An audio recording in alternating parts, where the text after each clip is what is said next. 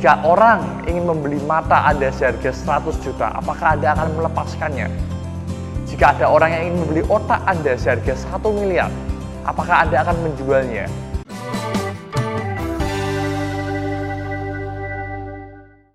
Halo guys, kembali lagi dengan saya Erik Kanadi. Hari ini Erik ingin berbicara langsung dari hati ke hati kepada kalian semua. Jadi sekitar satu bulan yang lalu Erik membuka survei pada para subscriber Erik tentang pertanyaan-pertanyaan seputar dunia bisnis.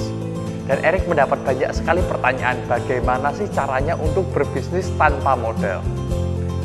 Hal ini menjadi permasalahan bagi banyak orang. Tentu saja Erik memberikan solusi seperti dengan melakukan bisnis dropship, dengan sistem PO, affiliate marketing, dan yang lain-lain. Ada banyak sekali cara untuk memulai bisnis tanpa membutuhkan uang atau modal yang besar.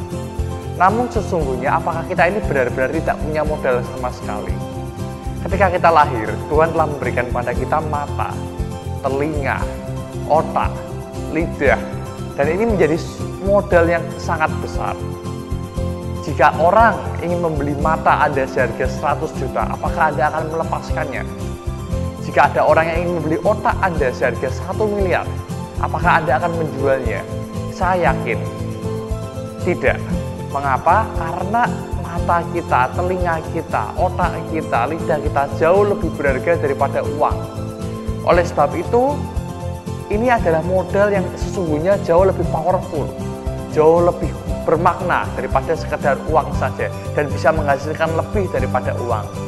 Namun sering kali kita ini tidak mengerti bagaimana cara memakai modal-modal ini, modal-modal yang berpotensi sangat luar biasa ini. Kita hanya membiarkan mata kita, telinga kita, tapi tidak kita pakai untuk sesuatu yang besar. Yang pertama, kita perlu menggunakan mata kita untuk memperhatikan hal-hal yang tidak terlihat. Jangan gunakan mata kita untuk melihat hal-hal yang di belakang. Jangan hanya gunakan mata kita untuk melihat hal yang ada di depan mata kita sekarang ini, tetapi kita harus gunakan mata kita untuk memperhatikan hal-hal yang tidak terlihat.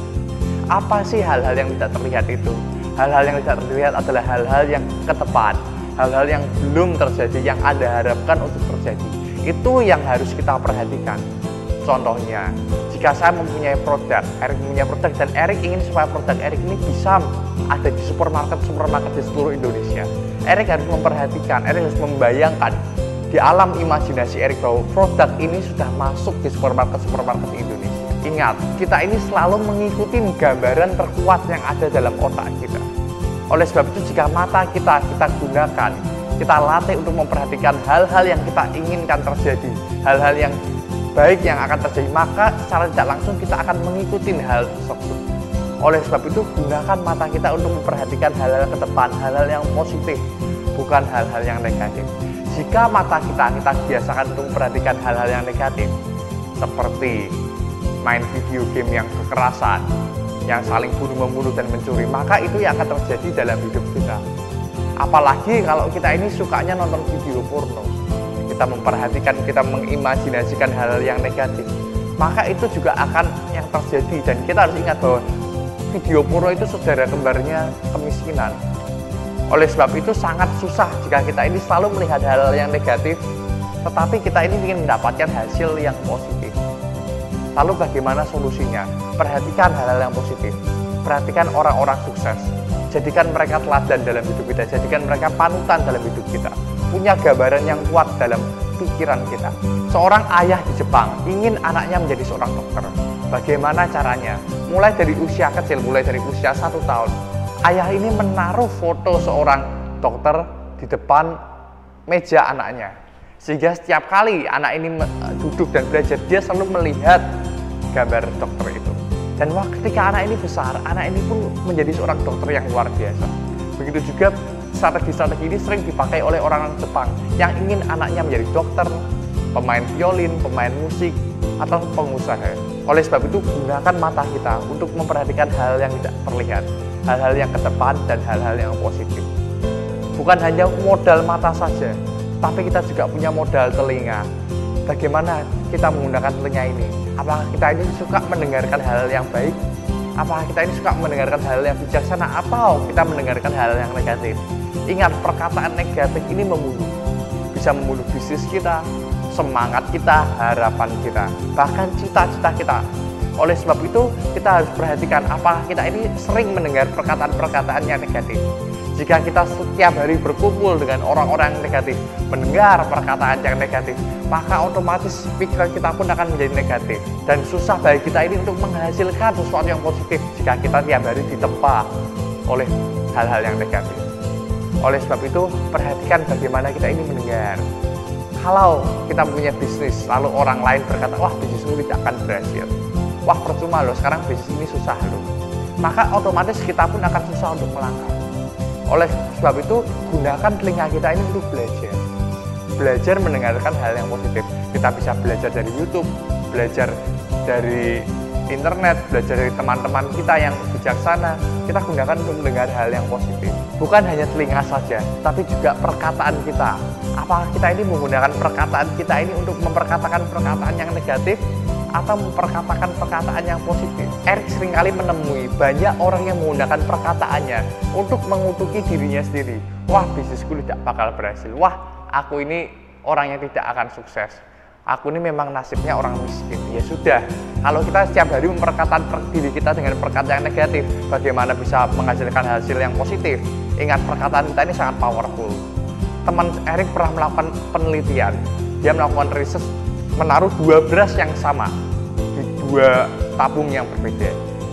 Beras yang A tiap hari diperkatakan perkataan yang negatif. Kamu ini beras yang jelek, kamu ini beras yang tidak bagus, kamu ini beras yang bobrok, yang busuk. Dan satunya lagi beras yang B ini diperkatakan perkataan yang positif. Kamu ini bagus, kamu ini beras yang baik, kamu ini beras yang berkualitas.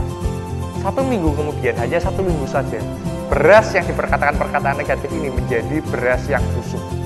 Sedangkan beras yang perkataan perkataan positif menjadi beras yang masih segar, masih putih. Padahal awalnya sama. Ingat, perkataan kita powerful.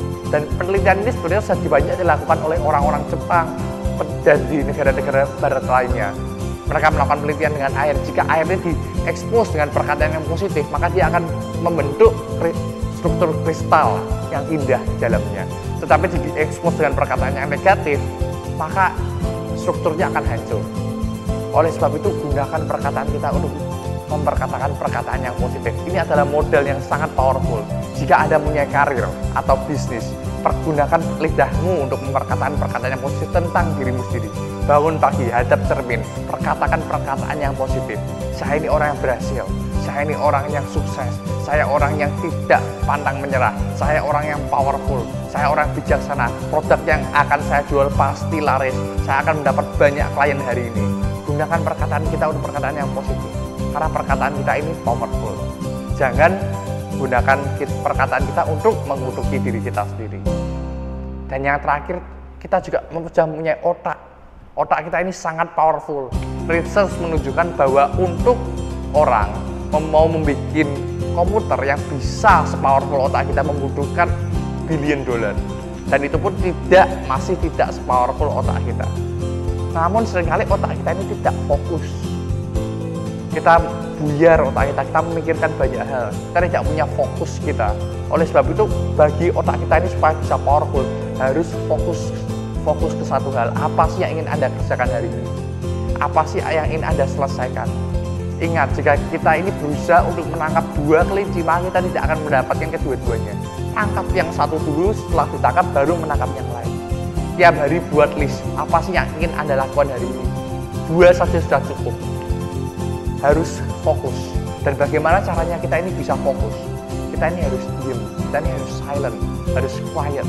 Jika kita ribut, kita ngomong sana, ngomong sini, maka kita tidak akan fokus. Seorang penembak, sniper, atau seorang penembak jitu dalam suatu perlombaan tidak bisa menembak jika dia cerewet, jika dia banyak ngomong tidak akan bisa. Dia harus diam. Dia harus diam perlahan dan menembakkan tanpa bersuara. Fokus. Oleh sebab itu gunakan empat modal yang sudah ada dalam hidup Anda ini. Gunakan mata Anda, gunakan telinga Anda, gunakan lidah Anda, dan gunakan otak Anda. Salam sukses.